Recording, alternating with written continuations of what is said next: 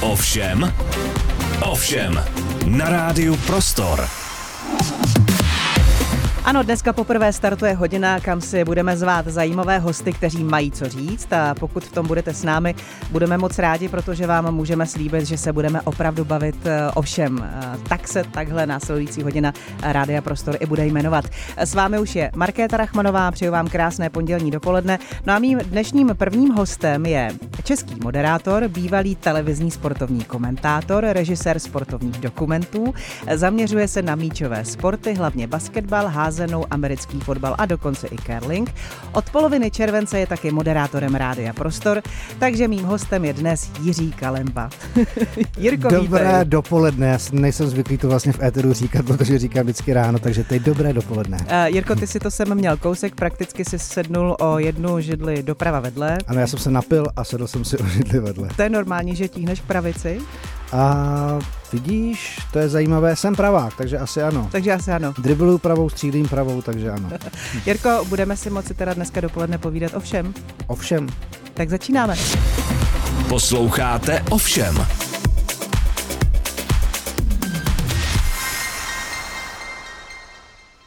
A dnes s Jirkou Kalembou, eh, naším kolegou a moderátorem. Jirko, proč basketbal? Ty jsi skladná. Ano. Eh, už jsme na to narazili těsně před desátou hodinou. Když se řekne kladno, tak se hm, normálnímu smrtelníkovi vybaví eh, Jarda Jágr a hokej. Jako, a ty si to prostě, prostě to vzal jako jinam. Basketbal, jo. americký fotbal. Tak proč? Tak americký fotbal, ten jsem přibral až trošku později po svých cestách do Ameriky, kde jsem se do toho sportu zamiloval. Ale Basketbal proto, že já jsem tak vlastně na hokej a na zimáku kladenským vyrostl. Já jsem, mě tam můj táta bral od nějakých deseti let, já pamatuju ještě slavnou Blue Line, Patera, Procházka, Vejvoda, to byly moje první jako hokejové vzpomínky, ale já jsem ten sport nemohl aktivně dělat proto, protože jsem někdy od druhé třídy měl takovou věc, byla to jakási žloutenka jater a já jsem Aha. vůbec nemohl jako dělat nic fyzického. Mm. Tělocvik asi dva nebo tři roky. Tam jsou velký omezení potom. Strašně, no? strašně velký a i co se týká diety, já jsem nemohl nic sladkého, což jako malý dítě hrozně jsem mm, trpěl. Mm. No a když jsem se z toho pak nějak vylízal, tak jsem viděl eh, na ČT2 dokument Airtime, kde byl Michael Jordan ústřední rolí, nebo ústřední postavou. A já jsem se absolutně instantně zamiloval do basketbalu a řekl jsem, že nic jiného pro mě neexistuje. Máma mě pak vzala na nějaký nábor a už jsem u toho zůstal. No a jak moc je teda důležitý pro sportovního komentátora si na vlastní kůži vyzkoušet ten sport, který komentuješ? Je to určitě dobrý, protože samozřejmě moc dobře víš, co se na tom hřišti děje. Pokud nejseš úplně zabedněnec a trošičku umíš tu hru vnímat a nějak o ní přemýšlet, tak si dokážeš představit, jakou situaci ten hráč třeba řeší, nebo mm-hmm. co, čemu čelí, nebo jak náročná třeba ta a ta situace mohla být. A ono to potom je podobný, třeba já jsem hrál basket, házenou jsem si párkrát zkusil, nemám tak, jako řekl bych, insight, eh, pohled na to dění v tom sportu, ale vzhledem k tomu, že se pohybuješ na polbovce v nějakém skupenství se skupení lidí a orientuješ se nějak prostoru, tak si třeba dokážeš představit i tam, co jako bylo náročné a tak dále. Takže jako samozřejmě ta nějaká aktivní sportovní průprava určitě dobrá je. Tak ono to pak vyvolá takovou jakousi empatii že, vůči tomu sportovci, protože ty tak. se dokážeš vcítit do toho, co asi v tuhle chvíli opravdu se mu honí třeba i hlavou. Je to tak. Já třeba, když jsem se dostal před olympiádou v Tokiu ke sportovnímu lezení, mm-hmm. protože na mě tak nějak jako vyšlo, což byla jako velká challenge, eh, musím říct komentátorská, se dostat do nového vesmíru, tak já jsem předtím, jako já nejsem lezec, ale byl jsem si to předtím jako jednou, dvakrát zkusit ne, že bych tomu úplně mega rozuměl, ale aspoň jsem trošku věděl, jak mm. moc to na té stěně bolí a jak mm. vás ty ruce bolí, když tam jako vysíte a co neuvěřitelného vlastně ty lidi dokážou předvádět. No. A co curling, ten jsi taky zkusil? Jo, ten jo. vlastně vypadá jako promeň, ale pro mě jako diváka to vypadá vlastně úplně jako pohůdka. Víš, taková to. ta hospodská hra. Přitom, přitom už tolik let, a měli jsme tady i Karla Kubešku v prostoru ano, pro dva, se ano. kterým komentu, nebo komentoval jsem x let, přitom to leta říkáme, jak je to fyzicky náročný.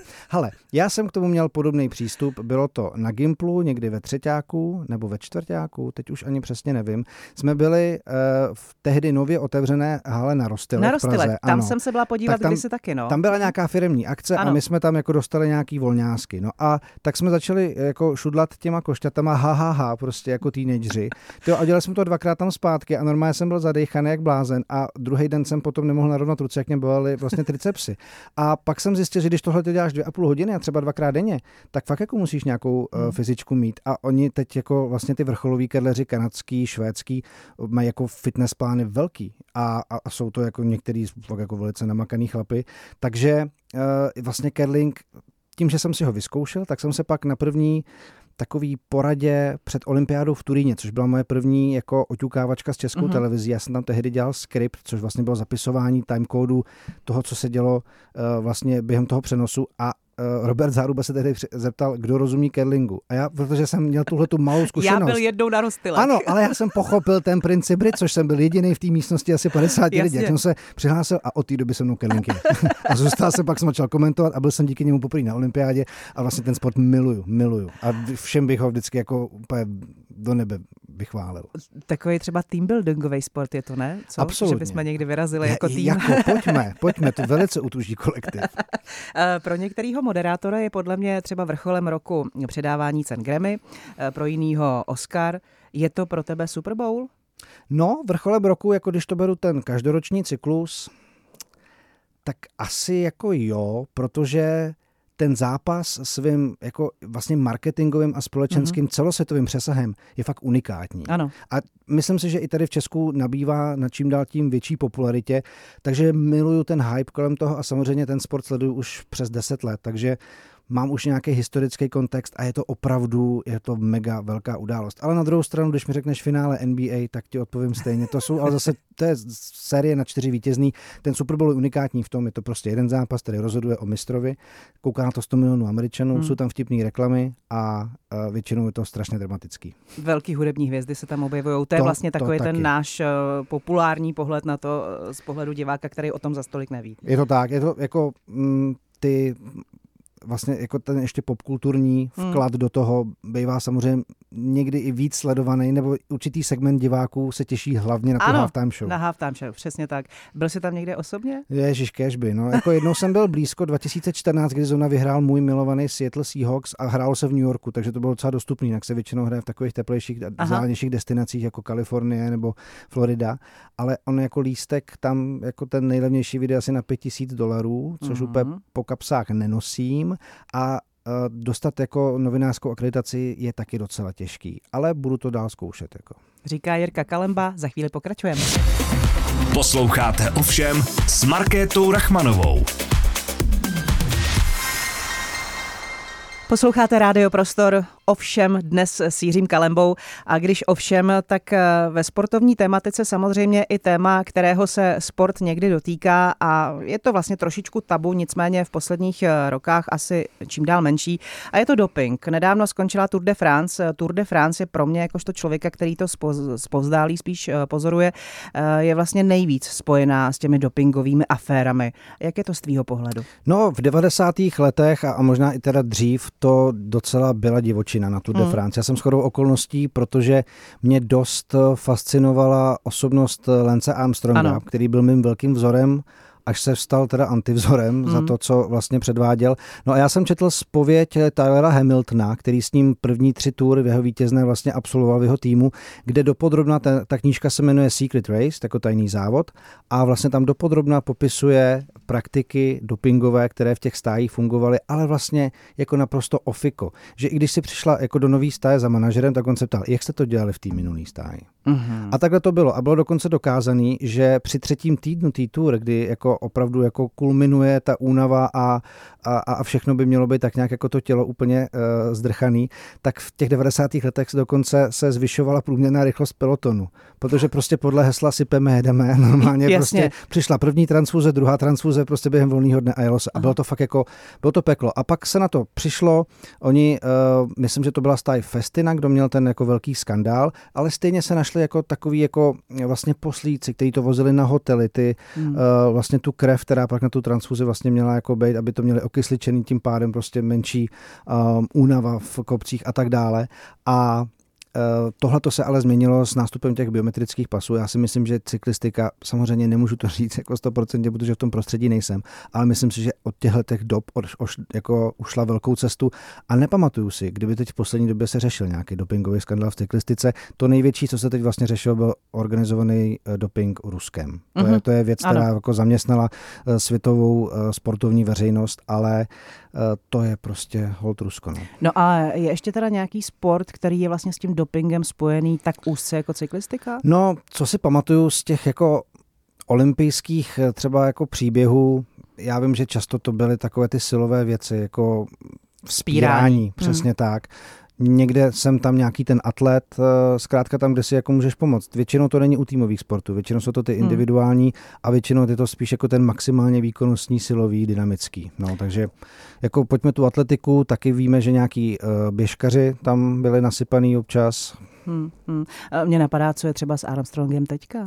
No, Víš, že ani nevím, jako takhle. Já na, na jednu stranu uh, chápu Eh, tu jeho, tak, tak, ten jeho příběh byl ohromně silný. Jo. Ano. Jako ta rakovina a všechno, čím si prošel, ale na druhou stranu pak jsou tady hlasy, to možná byl už způsobený tím, že vlastně v tom mm. dopingu jel a to jeho tělo mm. na to reagovalo takhle. Navíc to byl prostě sociopat, on jako fakt jako likvidoval lidi, to byl strašně zlej člověk, ale který marketingově prodal ten svůj příběh přes tu nemoc, což samozřejmě zase jako na druhou stranu jako úctyhodný je a vyhrál to vyhrál. To, bylo, to nebylo jako, všechny ty tour, který on uh, teda jako vyhrál, tak jsou se čkrtlí. To není, že ten druhý by to vyhrál. Tam byli nasypaný úplně všichni. Hmm. To znamená, že vlastně on, uh, Bill Burr, můj oblíbený americký komik, říká, jakoby náš nasypaný týpek porazil vaše nasypaný týpky, tak se s tím směste, nechte ho prostě vyhrá. Je to sociopat na kole, mohli jsme dopadnout mnohem hůř, mohl to být prezident, jako nebo něco takového. Uh, a teď nevím, co, já myslím, že se věnuje té své organizaci, uh, myslím, že to je Stay Strong, se to ano, pořád, ano. My, nosili jsme ty žlutý náramky, já jsem ano. taky nosil, pak jsem to roztrhal teda, prostě jako ostentativně hmm. Eh, a, a Uh, myslím, že prostě v takovém jako tichým sportovním důchodu. No. no je to silný příběh vlastně člověka, který motivuje mládež, motivuje vlastně ty lidi, kteří dělají ten samý sport a vlastně chtějí být všichni jako on hmm. a pak se to takhle celý jakoby uh, spadne. Naštěstí myslím, že ta cyklistika fakt prošla jako nějakou velkou obrodou a hmm. teď jako ty, ty současné hvězdy, ty, ta současná generace, jak je tady Pogačar, Wout van Aert a i teď ten Vingegaard, který vyhrál vlastně zase Tour, to je jako Matěje van der Poel. To je jako zase unikátní a myslím si, že eh, ten stín minulosti tam určitě je, ale ten sport eh, určitě mu to nic neubralo na jeho jako divácký popularitě, protože pořád Tour de France je jedna jako z nejkrásnějších položek ve sportovním kalendáři za mě, mm, každoročních. Mm. Ty jsi jako komentátor České televize byl na několika olympiádách. Která ti nejvíc přirostla k srdci? Nejsem Byla to ta první? Nejsem Petr Vichner, abych ti mohl říct, že jsem byl na 14, ale vlastně já jsem se k tomu taky dostal později, ne v té době, kdy, kdy třeba kolegové na ty olympiády jezdili v podstatě pořád. Já jsem byl poprvé v Soči, na olympiádě díky curlingu, kde jsme odkomentovali s Karlem Kubeškou 30 přenosů během 12 dnů. Byl to takový, jako já do dneška říkám, že, se, že mě měli zavolat z Forbesu 30 po 30, protože si myslím, že takovou televizní porci po 30 letech nikdo jako neudělal. Ale uh, to bylo jako Soči byla to poprvé to setkání s tou olympijskou um, vlastně atmosférou. Uh-huh. A mrzí mě do dneška Tokio, protože se to konalo v té covidové bublině, uh-huh. protože ta letní olympiáda je přece jenom trošku víc. A ty fanoušci tam strašně chyběli. A pak ještě Korea, Pyeongchang a tam jsem to užil jako takový létající komentátor, reporter, síťař a to jsem se zase užil jako velice tak jako komplexně, protože jsem navštívil skoro všechny sportoviště, byl jsem u spousty závodů, viděl jsem třeba svého oblíbeného snowboardáka Shona Whitea, který vyhrál nejlepší olympijský závod v historii v Úrampě a to jsou věci, které pro člověka, který ho vlastně jako sport formuje a motivuje celoživotně, tak to, to, to, to, jako, to budu vyprávět noučatům někdy. No. Uh, ty se s většinou těch sportovců, jejich sporty komentuješ, znáš osobně? Je to tak, že třeba před tím jejich zápasem nebo uh, jejich jízdou a tak dál je třeba jdeš i jako do šatny povzbudit? Hele, takhle, už to dělám pár let, přece jenom je mi 38, začal jsem někdy ve 22 v té televizi, takže po těch 16 letech, když teď přijdu do basketbalové haly, tak se pozdravím skoro s každým. Mm-hmm. Zeptám se trenéra, co, co v týdnu řešili, jdu za hráčema, sledujeme se i na Instagramu. S většinou z nich, a neví třeba s tím, co jsme prožili Čínu 2019, tak nás spojí takový jako vlastně jako nějaký velký pouto. To samý mám házený, když přijdu, tak přece jenom po těch letech fakt už ty lidi člověka znají, nějak na ně reagují, ale já vždycky mám nejradši jako novinář ty primární informace, takže se zeptám, a co ta tvoje ruka, jo, když se vrátíte ze Švýcarska, jaký to tam bylo a tak. A pak to v tom přenose můžeš použít, protože to je ta informace z první ruky. Tu Wikipedii tam mají vždycky všichni, ale jde samozřejmě o to umět ty informace nějak využít, nadávkovat, aby tam člověk nezahltil lidi statistikama, anebo třeba, aby neprokecel nějaký jako zásadní dramatický moment. Ale to, já na to miluju, to, že se to člověk vlastně učí furt a e, jsem rád, že v tom ještě budu pokračovat, protože bych měl teď na podzim ještě něco z NFL třeba mm-hmm. dělat. No a když tady zůstaneme ještě u olympijských vesniček, tak jak je to tedy s tím rozdáváním kondomů? To se týká jenom sportovců nebo i sportovních komentátorů, nebo to tam jsem... prostě dostane každý, kdo tam ne, drží ne. číslo? Ale takhle, řeknu ti to tak, že eh, ten olympijský uh, režim pracovní je takový, že na tohle fakt nemáš jako pomyšlení. To, jako to, to pracovní nasazení je opravdu enormní, co se týká jako fakt té zátěže, i toho stresu a toho, jak vlastně významná akce to je. Ale e, musím říct, že já jsem nikdy žádný kondom do roky nedostal. Je opravdu rozdíl mezi novinářskou vesnicí a tou sportovní asi. Dobře, říká Jiří Kalemba, pokračujeme dál už za chvíli na Rádiu Prostor.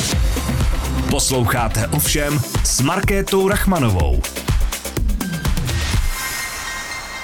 Posloucháte Rádio Prostor dnes s Markétou Rachmanovou a taky Jirkou Kalembou, kolegou z ranního prostoru, sportovním komentátorem a tak dále. Eh, ještě nekončíme. Zajímá mě třeba to, jestli je nějaký sport, který nikdo nechce komentovat. Wow, tak jako asi každý máme nějakého svého favorita. Já třeba, kdybych, a to jsem teda komentoval fakt spoustu věcí. V začátcích eh, ČT, tehdy 4 Sport, jsem dostal třeba 50-minutový záznam z mistrovství světa v kulturistice v Ostravě, Lahůdka. Komentoval jsem zápas eh, ženské české uh, ligy pozemních hokejistek o udržení Vyšehrad Bohemians, kde padly dvě přesné přihrávky v tom zápase za sebou. To, to, bylo, málo, to bylo hodně velké utrpení a my jsme tehdy měli jet na vodu, já už jsem se viděl, jak jako už ve vyšším brodě prostě si dávám pivo a tohle to bylo nekonečný. Já bych asi, já bych asi za sebe spíš jako, já nejsem asi na ty estetické sporty, čili uh-huh. takovýto věci, kde se to boduje a kde tam jsou věci, v čem je třeba skvělý Míra Langer, který dělá gymnastiku, krasobruslení, to jsou věci, na které bych se netrouf. Ale Jinak už jsem, já jsem i do toho biatlonu dokonce jako musel skočit a pár zápas, pár závodů jsem komentoval. Z toho jsem měl ohromný respekt, protože tím, jak je to u nás teď takový nový národní sport, a byla mm. ta velká mánie, tak to má ohromnou sledovanost a samozřejmě čím víc lidí to vidí, tím víc lidí může hejtit. Jo? Takže já jsem vždycky u toho curlingu byl takový hezky schovaný a teď jsem to všem vysvětloval, nikdo si nedovolil tak s tím jak polemizovat, ale u biatlonu už tom každý rozumí jo? a každý, každý jako, je trenér. A jak jako u fotbalu hokej, tam, tam je to vlastně velice nevděčný, protože samozřejmě ty hejty můžou jako přicházet. No a takže, kdybych ti teda měl teď jako říct co, tak asi bych fakt zůstal tady u těch, u těch estetických, jako, jako nedokážu si představit komentovat, jako asi bych se uměl připravit a potřeboval bych dobrýho spolukomentátora, mm-hmm. který tam technicky ty věci řekne. A má tu kompetenci. Jo, a já ano. si prostě připravím tady eh, životopis eh, prostě 13-letý Číňanky, která tam prostě udělá 10 eh, zpětných salt a a pak řeknu tak a tady prostě ve 12 letech ji odvedli na rýžovou farmu, ve které prostě přeskočila, tam si všimnul reprezentační trenér a, a dám tom ten příběh jo, jo. a paní a spolukomentátorka to doprovodí tím, jako co tam bylo technicky správně. No, Takže no, akvabely by třeba byla pomsta. Je, vidíš, akvabely, no, mm, no, mm, no, mm. to bych se, to, ale vem si, že třeba já jsem se dostal k šermu, což je taky sport, který jako Ty jsi komentoval jako, vlastně ten český no, úspěch no, eh, Alexandra Šupeniče, to bylo vlastně, ježiš, teď mi úplně naskočila husina, protože to byl takový můj jako splněný dětský sen komentovat vlastně jako olympijskou medaili, což je jako hlavně o štěstí. Hmm. To mi říkal eh, zase Jirka Rejman, který komentoval, že biatlony a Lukáše Krpálka. A když mu ty sporty dali, tak on říkal, co já s tím budu dělat, biatlon, judo to tady nikdo nedělá. A pak do toho ti přijde prostě najednou taková osobnost jako Krpálka a biatlonová mánie a najednou najednou, halo, no a s tím šermem to je podobný. Já jsem komentoval už od Pekingu 2.8, mm-hmm. kde ještě vůbec jako žádná velká česká naděje nebyla. Pak v Riu 2.16 už byl uh, uh, Saša Šupenič a Jirka Beran, ale vypadli brzo, no a pak najednou tady prožiješ takovýhle den na bronzová medaile po 112 letech. A taky to je sport, jako kde to se tak rychle odehrává, takže chvilku čekáš, pak koukáš, že to bliká, oba dva se radujou a pak čekáš na opakovaný záběr, který ti vůbec nic neporadí, protože to se děje tak rychle, ten sport se strašně zrychle, třeba za těch, nevím, za těch 13 let, co jsem to komentoval. A ale taky prostě uděláš si přípravu a pak už tím nějak jdeš a pak samozřejmě musíš mít nějaký cit pro to drama toho zápasu a všímat si nějakých věcí, což si myslím, že mi docela šlo a pak je to hlavně o těch emocích, který hmm. já vždycky jsem říkal, že když to nebaví mě, tak to nemůže bavit ty lidi. Takže já jsem se vždycky do toho snažil jako emočně angažovat, vložit a vždycky, ať to byl zápas Lovosice, Hranice nebo Česko-Švédsko na mistrovství Evropy v tak jsem se do toho vždycky snažil položit, jakože to, za to platíte těch 135 korun, teda, na který nadáváte a to je ten můj hmm. maximální effort k tomu, aby vy jste měli dobrý zážitek doma. No, no a někdy se to taky úplně nepovede. Aha, to když se může třeba stát. Adam Ondra leze a ty vykřikneš, že máme medaily Jasně, a no. ona tak jako úplně z toho ta medaile není, tak co s tím pak? Ty, já teď jsem na to udělal špatně normálně. A to je, to, by, to je největší, jestli teda můžu říct to slovo fuck up mýho komentátorského života. Protože to se stalo v, no, jako Takhle. Uh, ta konstelace byla nepříjemná v tom, že ten systém té kombinace sportovního lezení na olympiádě v Tokiu byl, že se násobily jednotlivý umístění vlastně v takové průběžné tabulce. Mm-hmm. Jednotlivý umístění v rychlosti, boulderingu a obtížnosti. No a Adam Ondra vlastně před posledním lescem byl na medailové pozici a já jsem jako vlastně zapomněl v tu chvíli eh, si říct tu podmínku, že když by ho přelezl ten poslední, tak bude násobit dvěma a s tím pádem spadne. A vlastně už jsem jako v tom, jak jsem mu to přál a přání otce myšlenky, tak jsem to začal, no a pak mi to vlastně došlo během té doby, kdy on nes. Já jsem si uvědomil, co jsem řekl a teď to na to koukal milion lidí. A to byly těžké chvíle, kdy jsem si fakt řekl, ale já to říkám jako do dneška, jsem jako, já jsem opravdu v tu chvíli zažil takovou nejhorší svoji jako vnitřní krizi. Teď je tam člověk sám, teď je po pěti hodinách absolutně, jako já jsem byl poprvé v životě i fakt jako fyzicky, fyzicky mm-hmm. unavený teď na tebe dolehne to napětí, ten stres toho velkého olympijského závodu, který byl vlastně jako úplně skvělý. A teď ty si řekneš, tak já jsem to absolutně jako zkazil, teď jako já tu práci nemám, tak já půjdu prostě někam za kasu. Já, já nemůžu za kasu, a nemůžu ani počítat, takže prostě já jsem, já jsem úplně k ničemu vlastně ve svém životě. A a, a, a tím jsem tam seš sám prostě v tom Tokiu, teď prostě přišlo mi pár hnuských, hnusných tweetů a mailů Aha. prvních, ale zase jich nebylo tolik. Já jsem pak uh, z toho trošičku jako dostal pár uh, japonskýma pivama a nějakou pálenkou a, a napsal jsem na Twitter něco a ráno jsem tam měl asi 500 odpovědí, které byly ve strašně podpůrný, že vlastně všichni vnímali ten emotivní náboj a absolutně chápali tu moji chybu mm. a nikoho to jako neurazilo a napsal mi lidi jako Miloš Vystrčil, Jindřich Šídlo, um, jako, jako Pavel Novotný a tak, jakože samozřejmě to nějaký přesah mělo a já jsem si teď řekl, OK, tak asi nejsem úplně k ničemu. A ještě to s náma není tak hrozný v tomhle státě. Jo, jakože jo, mm. jakože samozřejmě asi si to lidi mohli myslet a samozřejmě spousta lidí si to jako, jo, jako vždycky cizí neštěstí samozřejmě taky dobrý, ale vlastně já jsem se o tom pak bavil uh, s youtuberem Kovim, s kterým jsem se potkal a ten říkal, že vlastně pro něj ten závod, i když nedopadl medailí, byl jeden z nejsilnějších zážitků, protože tam prožil všechny emoce. Hmm. A že jsem k tomu přispěl já, hmm. že vlastně všichni jako chápali, že jako člověk se mu to taky přál, ale prostě v tom systému se v tom nikdo v tu chvíli jako třeba neorientoval. Pro mě, já už jsem si jako myslel, že mám za sebou něco odkomentováno a tohle to byla taky premiéra. Byla to premiéra na olympiádě, i ta televizní komentátorská. A i když jsem se na to chystal, třeba jako nedělám si stranu třeba čtyři týdny, jsem si na, nakoukával závody na YouTube světového poháru a dělal jsem si, fakt jsem měl jako eh, svodky o těch, o těch lescích jako neskutečný. Tak prostě, když jsem pak za rok komentoval mistrovství Evropy v Mnichově a už jsem to viděl po druhý, ten sport v té jako vrcholné podobě, už to bylo jiný, už tam ta zkušenost byla a ta, jako ta premiéra na olympiádě prostě ho přinesla i tohle, ale, ale teď už se tomu směju a, a za tu kasu jsem nešel. A to je dobře. Medaile na chvíli se jmenuje ta knížka, ve které je celá tahle storka popsaná. Mimo je to jiné. tak a to byla vlastně to byla iniciativa Karla Kubešky, se kterým se právě od Soči cházíme tak jako kvartálně vždycky na kávu a probíráme, co mm. život přinesl. A samozřejmě po Tokiu jsme si spolu sedli a já mu říkám, já jsem ještě byl trošku jako zdrclej z toho a on mi říká, hele, ale to je podle mě na knížku ten příběh, jako vlastně ten tvůj, jeho. No a my jsme to pak Adamovi nějak představili a tak jsme vlastně popsali tu jeho přípravu a, a i můj pohled na ten sport. Do toho jsme udělali rozhovory s lidmi kolem jeho týmu, takže tam spousta takových jako inside věcí z té olympijské přípravy, toho, jak se to chystalo a jak velká nervozita, kolik komponentů vlastně ten jako lezec potřebuje. A do toho pak teda můj pohled a vysvětlení toho, jak jsem to vnímal já, co se všechno v Tokiu dělo. A je to docela taková jako hezká sonda podle mě do té premiéry. No prázdniny pěkný, proč jo, ne? určitě, hodí se to. Jirka Kalemba dal naším hostem tady na Rádiu Prostor. Posloucháte ovšem s Markétou Rachmanovou. Posloucháte Rádio Prostor. Dnešním hostem eh, v pořadu ovšem je Jirka Kalemba. Jirko, o tobě se ví, že máš dvě děti, asi to není žádný tajemství, protože velmi často na sociálních sítích prezentuješ, jak s nima trávíš volný čas. Ano, ano. A mně to se to moc líbí a baví mě to. uh, jak jsou na tom podle tebe český děti obecně s pohybem a k čemu vedeš třeba ty svoje? No, eh, já vzhledem k tomu, že sport jako mě určitou část života formoval a vlastně stále formuje, tak jsem ne, že bych byl takový ten zatvrzelý otec, jako že musíte něco dělat, ale tak jako nenápadně jsem, jsem tomu sportu je tak jako trošku vedl. Už si na to bylo těžší, u dcery jako ta je do všeho hr a strašně jí všechno baví. A tím, jak byla hodně aktivní, tak začala už ve, tři, eh, ve třech letech. Jsme totiž poblíž našeho bydliště na, našli první přípravku, kde brali o tří let a to bylo rugby. Aha. Olymp Praha a musím říct, že to byla absolutně skvělá volba to teďka to hraje, začíná i to jít a je to úplně, je, je úplně boží a samozřejmě to trošičku zoceluje do života, mm. už takhle jako její teď bude 8. No a syn hrál hokej docela dlouho, Zajímavý poznatky, spousta hezkých ran eh, na spoustě českých zimních stadionů. Musím říct, že to je opravdu jako, to je jako sport, který děláš s tím dítětem ty jako rodič, protože hlavně ty začátky, když je to dítě malý, má tu obří tašku, to byly fakt jako víkendy na turnajích a to je fakt řehole. A když si pak vezme, že to procento někoho, kdo to fakt někam dotáhne, je malý. Ale já jsem rád, že do toho života mu to dalo nějaký řád, nějaký zážitky, kámoše a když už do toho odešel a teď hraje ping-pong, tak furt nějaký jako pohyb a, a aktivitu má.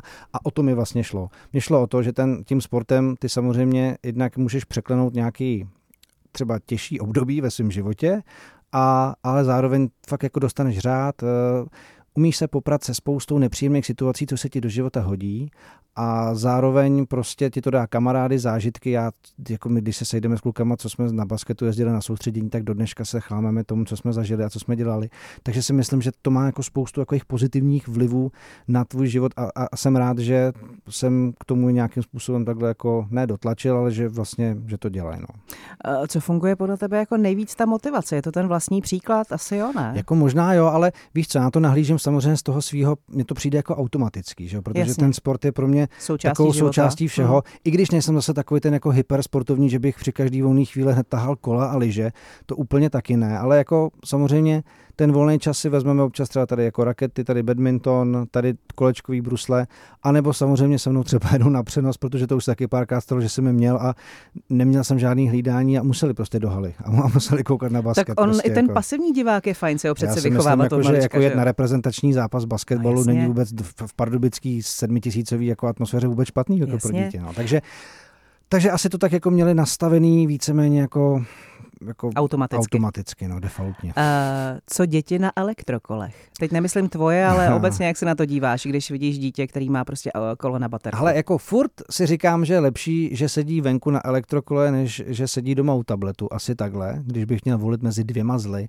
ale jako celkem si myslím, že asi snad není jako velký problém, jako normálně to šlapací kolo pořídit, ať to dítě prostě se ten kopeček vyšlápne, že jo? ono mu to pomůže. Mm, mm. A jako to je asi to samé, jako já jsem kdysi viděl uh, v, v pediatrické ordinaci reklamu nebo inzerát na jako dětskou helmičku, jako když dítě leze, eh, batole prostě na čtyřech, tak jako má helmu v podstatě jako, jako hokejovou, aby se nebouchalo. Mm-hmm. A, jako, a to já jsem si říkal, tyjo, a co to jako znamená, když ji nebude mít, tak se pak jako někde jebne tak, že, že se jako, jo, jo. jako uh, rozpůlí lepku, protože prostě nebude zvyklý na to nebezpečí nástroj cizího světa, tak asi takhle to vidím s elektrokolama, jakože pojďme si to jako nedělat tak jednoduchý na začátku. Uh, jak to vidíš ty jako táta primárně, jako člověk, který k tomu sportu má blízko s podporou mládežnického sportu u nás? To je, to je hodně komplexní mm. téma. Uh, nevím, jestli jsem úplně kompetentní, ale samozřejmě uh, můžu zase hodnotit z nějaký svý zkušenosti. Jo. A když beru ten sport jako, jako obecně, tak pořád je to o srdcařích a o lidech, který ve svém volném čase věnují těm dětem to nejlepší za sebe, co jim můžou dát. A za to já tyhle ty lidi a ty trenéry a ty nadšence fakt jako obdivuju. Je fajn, když už existují nějaký potom pro ty lepší, jako talentovaný nějaký centra mládeže, má to nějaký systém, ve spoustě sportech to takhle vlastně jako funguje centrálně. Na druhou stranu pak se zase můžeme bavit o tom, jako kde, ty, kde si třeba ty lepší centra berou z těch menších oddílů a co se vlastně jako děje ale furt si myslím, že jako národ eh, poměrně sportovně založený jsme, ale opravdu to ve spoustě případech stojí na těch lidech, kteří to dělají fakt jako pro, pro lásku k tomu sportu a v tomhle by se to asi jako mělo změnit, ale to je běh na dlouhou trať a to já tady určitě asi, asi ani nenavrhnu, jak by to mělo být správně. Uh, ještě mě napadá k tomuhle vlastně ceny energií. Hodně se o tom teďka mluví, že by to mohlo mít právě negativní dopad na ty spolkové činnosti, primárně na venkovech a tak dál. Myslíš si, že opravdu je to věc, která to může celý ohrozit? No, jako ten katastrofický scénář je, že to jako nějaký odliv přinese. Hmm. A samozřejmě to neuvidíme hned, ale ono to pak jako nějak skokově přijde, tak konec konců u hokeje už to řešíme poměrně dlouhou dobu, že nějaká generace skončila a, a v té výchově a v tom systému, a to jsem viděl na vlastní oči jako velice zblízka, zaostáváme. A je to prostě systémem, je to uh, edukací těch trenérů a je to jako vůbec jako takovým, um, já nevím, za, za, takovou zatuchlostí vůbec jako toho hmm. prostředí. A pokud jako se pak stane to, že to někde jako, že těch dílků, ty mozaiky vypadne víc, to znamená skončí víc oddílů, vlastně ty děcka nebudou mít kam, jako na těch menších městech a vesnicích, to je podle mě jako úplně zásadní. A nebo se předostanou k něčemu jinému. Máme tady e-sporty, to je taky nějaký segment, ano. který se řeší, takže to je podle mě ten boj, který se svádí. Uh, pořád zase ve svý jako bublině vidím, že ty lidi na ty hřiště a, a ty sportoviště a haly chodějí, ale nedokážu říct, že jako jestli třeba v Třinci to tam jako náhodou třeba jako někde nevisí na vlásku. No. Hmm. Ale, hmm. ale je to určitě problém, který může způsobit to, že pak jako my, my totiž máme úspěchy ve sportu na ve, tak jako 90% případů nejsou daný nějakým jako skvělým systémem výchovy, ale unikátníma jedincema. Ať už je to Ester Ledecká, ať je to Jarda Kulhavý, ať jsou to tyhle ty individuální medaile. Uh, můžeme si říct, že jsme v něčem jako vodní sporty jako, jako silnější, ale prostě ten systém u nás je postavený, vlastně se zase vracím zpátky k tomu, ne úplně na nejpevnějších základech, jako že by to bylo systematický všude. Já myslím, že se asi shodneme jako rodiče eh, na tom, že co se týká mládežnického sportu, tak bychom nechtěli, aby naše děti znali ten sport obecně jenom třeba z mobilních telefonů a z přenosů v tabletu.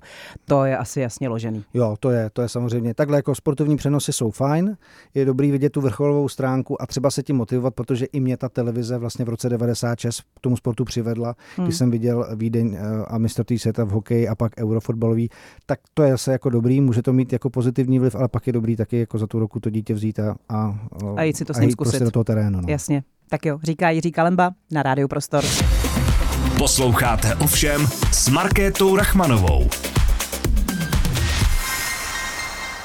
Dnes s Jiřím Kalembou. Jirko, lákalo tě někdy komentovat automobilové sporty?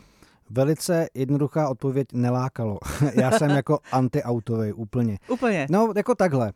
Uh, Musím říct, že v poslední době mě začala docela fascinovat Formule 1, ale to jenom díky tomu Netflixovému dokumentu Drive to Survive, uh-huh. který mě ale zase připoutal vzhledem k tomu, že jsem pár dokumentů jako ve svém životě vytvořil z té řemeslné stránky. Na druhou stranu je to fascinující svět.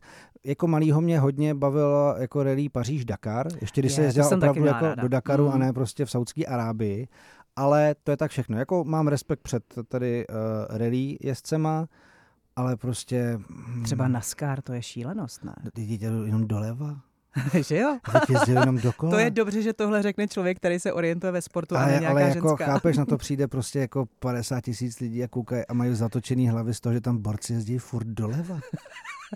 jako je z toho hezký film, jako já mám auta rád, jako Bleska McQueen, ale Nechme, nechme to. Já jako tohle bych nedokázal asi. No. Dobře, tak eh, pojďme se na auta podívat trošku jinak. My jsme si na začátku řekli, že se budeme bavit opravdu o všem. Tak mm-hmm. co elektromobilita z pohledu českého občana? Jsme na to připravený? Seš toho fanoušek? Mám spíš auto, ne? které má řadící páku. A nechceš na tom nic Nechci měnit? Nechci na tom vůbec nic měnit. Mám tam CDčko. Ještě hmm. jsem nedávno měl auto, který měl ještě bylo na kazety, to jsem pak teda naboural, ale jako já jsem spokojený, jako takhle, já chápu, že někam spějeme, já chápu, že věci mají vývoj a nebráním se toho, nejsem takový ten jako, eh, řekl bych, jako nějak jako mentálně zakreslej v tom, že bych se chtěl držet jenom benzín a nic jiného.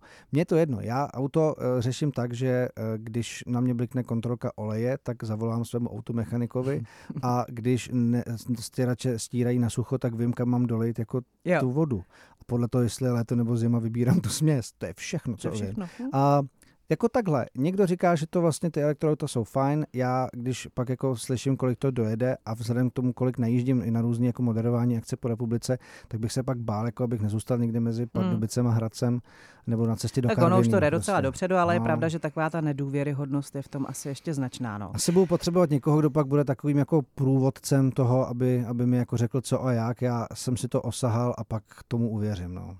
Tak a teď ještě těsně před koncem naťukneme jedno téma, který se jmenuje Olympiáda v Praze. A. Uh, jeden čas to tady hodně, uh, jak se tomu říká, no prostě se o tom hodně rezonovalo. rezonovalo. To. Ano, vlastně měli jsme přísliby od všech možných členů magistrátu a vlastně mm, i se tomu už začala podřizovat nějaká infrastruktura na pražských periferiích. Má vůbec cenu tohle téma ještě někde otvírat, nebo je to utopie? Jako, já jsem viděl některé ty vizualizace toho, že by třeba uh na věži staroměstské radnice byly jako skokanský můstky nebo takový ty věže a skákalo by se tam a tam někdy by byl bazén jako a tak. Jako, hele, já když si vezmu některé olympiády, které jsem viděl, takže třeba taková olympiáda v Barceloně, kam teď, když přijedeš, tak ta olympiáda tomu městu evidentně prospěla. Takový mm. vrch Montjuic, tam prostě, kde jsou ty sportoviště, to je krásný. V Londýně olympiádu už udělali tak jako ústrojně, že spoustu těch sportovišť využívají potom, anebo je rozebrali. Pak tady máš samozřejmě ale další jako věci, jako jsou třeba ty zimní, kdy ti zůstane spousta těch jako těch eh, bobových a sáňkarských drah, které jsou jako k ničemu, který využiješ jednou za rok, když tam je svěťák. A to já vlastně chápu, že se teď jako vede ta diskuze o tom, jestli ta olympiáda vlastně má nebo nemá přínos. Třeba takový Rio se zadlužil jak blázen. Hmm. Na druhou stranu mají tam tunel, na který tam čekali a možná by se ho nikdy nedočkali, neby ty olympiády. A ty jako městské dopravy to hrozně pomohlo. Takže asi ano, ale na druhou stranu ty požadavky toho Mezinárodního olympijského výboru, na takový ty fakt jako až někdy až jako VIP služby, tak to si myslím, že už to trošičku tu olympijskou myšlenku jako deformuje a e, v tom by asi možná potřeba určitá jako revize toho. A tím pádem chci dojít tomu, že olympiáda v Praze, jako bylo by to hezký, ale ne. Mm, ale ne. Děkujeme, ale ne. Jako, no, bylo by to jako fajn, ale nedokážu si představit, že by to Praha utáhla. Už vůbec teď, já si myslím, že ta myšlenka jako nějakých jako sdílených olympiád je vlastně asi možná na snadě, když teď bude. Nebylo ani moc zájemců, Paříž, to bude určitě super. Už jsem viděl i, jak se Eiffelovka dává do gala, protože tam budou s plážový volejbalisti, bude to krásný. Los Angeles tam už měl dvě olympiády, takže jako dobrý. A pak Brisbane, tam jsem zvědavý, co bude v Austrálii. A pak jako dál zase těch zájemců tolik mm. není, takže um, je hmm. potřeba asi si říct, že já nevím, jako Prahu tam nevidím. nevidím. Bo, jako fakt ne. Ani Kladno. Ani Kladno. Tak eh, takhle bychom to mohli dneska zakončit. Jirka Kalemba byl mým dnešním hostem. Povídali jsme si o všem. Já za to moc děkuju. Tak já děkuji za pozvání. Jsem rád, že jsem to takhle mohl očpuntovat premiérově. Očpuntovali jsme nádherně. Zítra v 10 hodin samozřejmě opět o všem s Markétou Rachmanovou. Loučím se, přeju vám úspěšné pondělí. Ovšem, ovšem, na rádiu Prostor.